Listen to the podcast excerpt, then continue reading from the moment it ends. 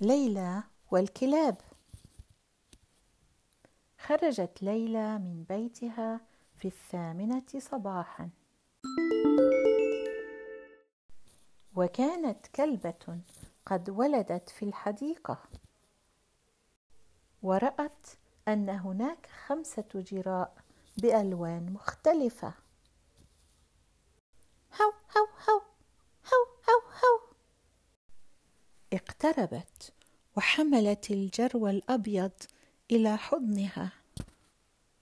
هو هو ثم شاهدت رسالة بجانب الكلاب. وإذ بها دعوة من صديقتها منى للعشاء معا.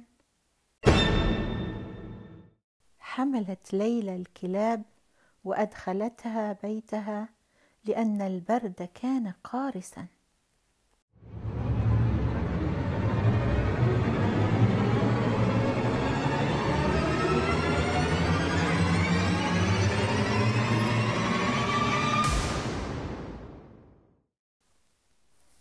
لاحظت أن الكلاب شعرت بالدفء ففتحت الباب والشباك.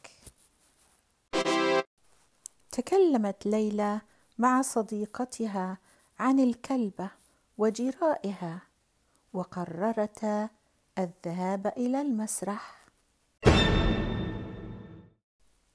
ولكن ليلى كانت مترددة فقررت العودة إلى بيتها لتطمئن على الكلاب.